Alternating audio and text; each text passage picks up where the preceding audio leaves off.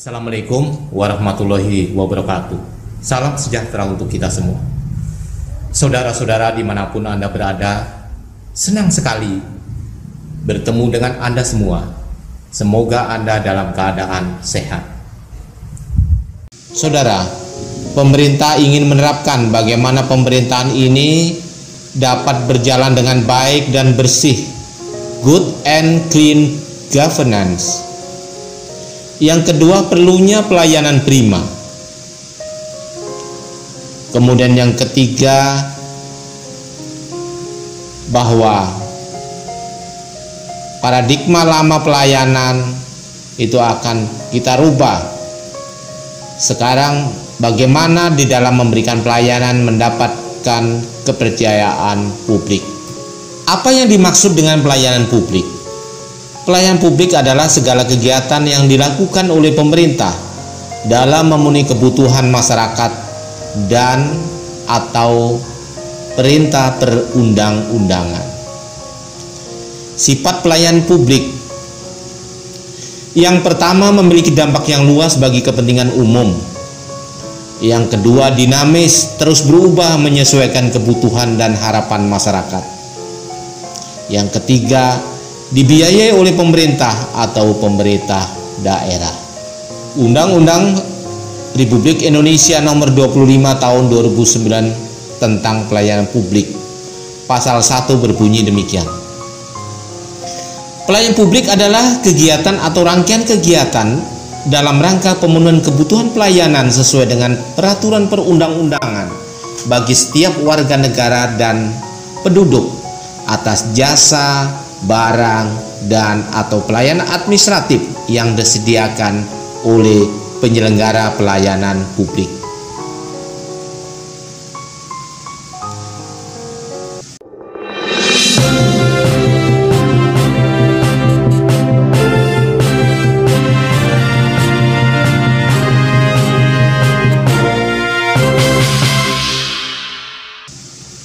Terus yang menjadi pertanyaan adalah apa sebenarnya hak dan kewajiban bagi masyarakat? Di pasal 18 Undang-Undang Nomor 25 Tahun 2009 berbunyi demikian. Masyarakat berhak mengetahui kebenaran isi standar pelayanan, mengawasi pelaksanaan standar pelayanan, mendapat tanggapan terhadap pengaduan yang diajukan, mendapat advokasi, perlindungan, dan atau pemenuhan pelayanan. Memberitahukan kepada pimpinan penyelenggara untuk memperbaiki pelayanan apabila pelayanan yang diberikan tidak sesuai dengan standar pelayanan memberitahukan kepada pelaksana untuk memperbaiki pelayanan apabila pelayanan yang diberikan tidak sesuai dengan standar pelayanan. Mengadukan pelaksana yang melakukan penyimpangan standar pelayanan dan atau tidak memperbaiki pelayanan kepada penyelenggara dan ombudsman. Mengadukan penyelenggara yang melakukan penyimpangan standar pelayanan dan atau tidak memperbaiki pelayanan kepada pembina penyelenggara dan ombudsman dan mendapat pelayanan yang berkualitas sesuai dengan asas dan tujuan pelayanan. Apa yang dimaksud dengan komitmen mutu? Saudara, kita mulai dari konsep mutu. Mutu mencerminkan nilai keunggulan produk atau jasa yang diberikan kepada pelanggan atau customer sesuai dengan kebutuhan dan keinginannya dan bahkan melampaui harapannya. Mutu merupakan standar dasar untuk mengukur capaian hasil kerja. Mutu juga dapat dijadikan sebagai alat pembeda atau pembanding dengan produk atau jasa sejenis lainnya yang dihasilkan oleh lembaga lain sebagai pesaing atau kompetitor. Di dalam komitmen mutu ada efektivitas dan efisiensi.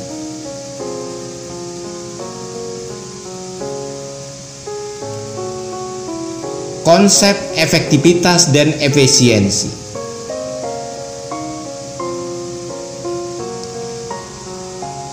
Efektivitas organisasi adalah performance untuk mencapai target atau rencana, mutu, kuantitas, ketepatan waktu, dan alokasi sumber daya. Semua itu dalam rangka untuk kepuasan dan terpenuhinya kebutuhan pelanggan atau customer.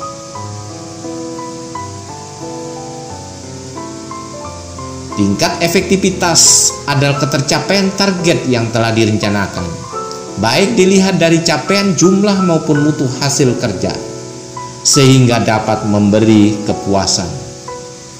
Ukuran efektivitas dan efisiensi. Apa sebenarnya ukuran efektivitas dan efisiensi? Yang pertama, efisiensi organisasi adalah sebagai jumlah sumber daya yang digunakan untuk menghasilkan barang atau jasa. Tingkat efektivitas diukur dari penghematan biaya, waktu, tenaga, dan pikiran dalam menyelesaikan kegiatan. Kemudian berdampak ya, ketidaktercapaian target kerja menurunkan kredibilitas institusi tempat bekerja dan bahkan akan menimbulkan kerugian dalam organisasi apabila itu tidak efisien.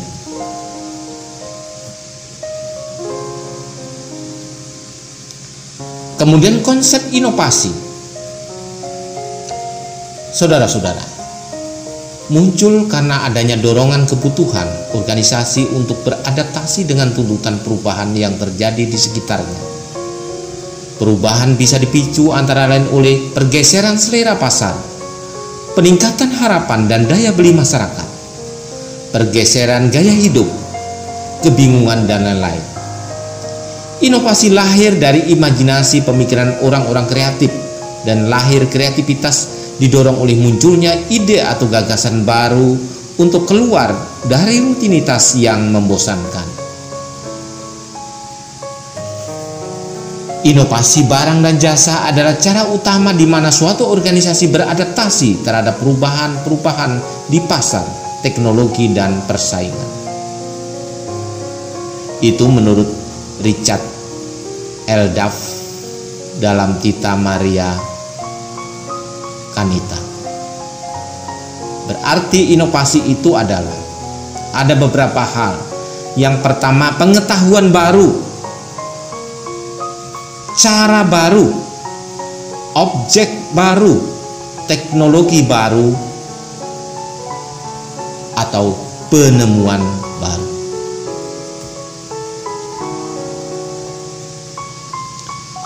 Komitmen mutu kita berbicara komitmen Komitmen memiliki kemauan atau janji yang kuat untuk mengembangkan organisasi. Komitmen pelayanan berupaya melakukan perbaikan secara terus-menerus dan berkesinambungan dalam meningkatkan kualitas layanan kesehatan yang profesional dan sesuai standar. Ini misalnya kalau di bidang apa pelayan kesehatan. Janji pelayanan misalnya satu memberikan layanan kesehatan masyarakat tanpa ada perubahan status dan golongan. Kedua, memberikan layanan kesehatan dasar sesuai dengan jadwal yang telah ditentukan. Ketika memberikan layanan kesehatan dasar sesuai prosedur dan kemudahan dalam pengurusan masyarakat. Keempat, memberikan tindakan tegas terhadap pegawai yang merugikan pelayan kesehatan terhadap masyarakat. Kelima, memberikan layanan kesehatan dengan sikap yang sopan, santun, dan ramah pada masyarakat.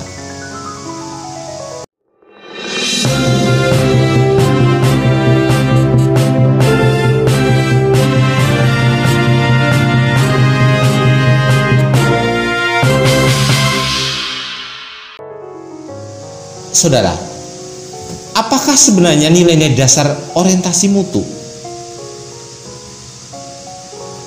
Manajemen mutu terpadu atau total quality management terdiri atas kegiatan perbaikan berkelanjutan yang melibatkan setiap orang dalam organisasi melalui usaha terintegrasi secara total untuk meningkatkan kinerja pada setiap level organisasi.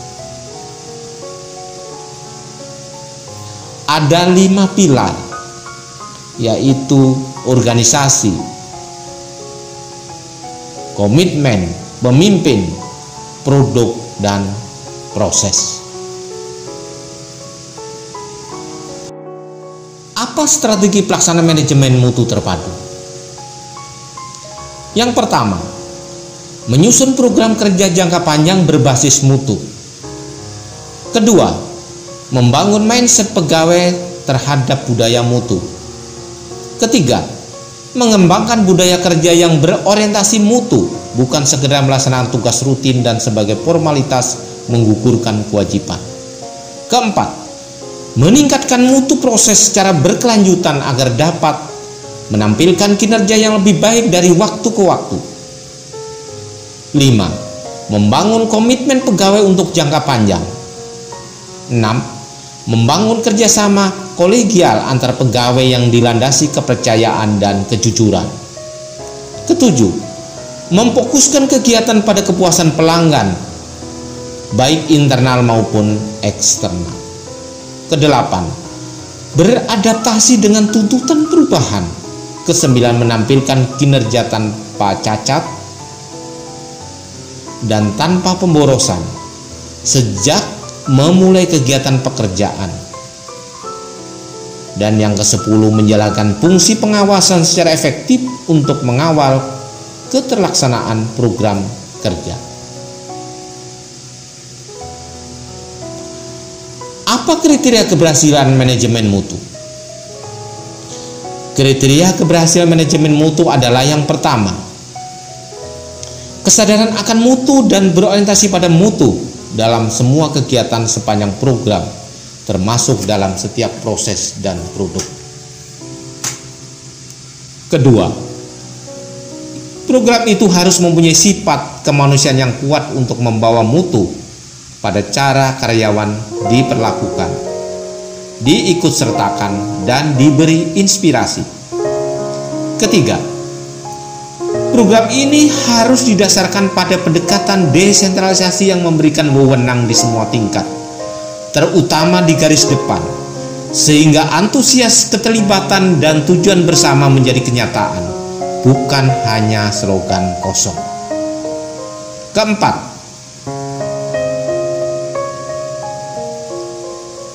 total quality management harus diterapkan secara menyeluruh, sehingga semua prinsip kebijaksanaan dan kebiasaan mencapai setiap sudut dan celah organisasi.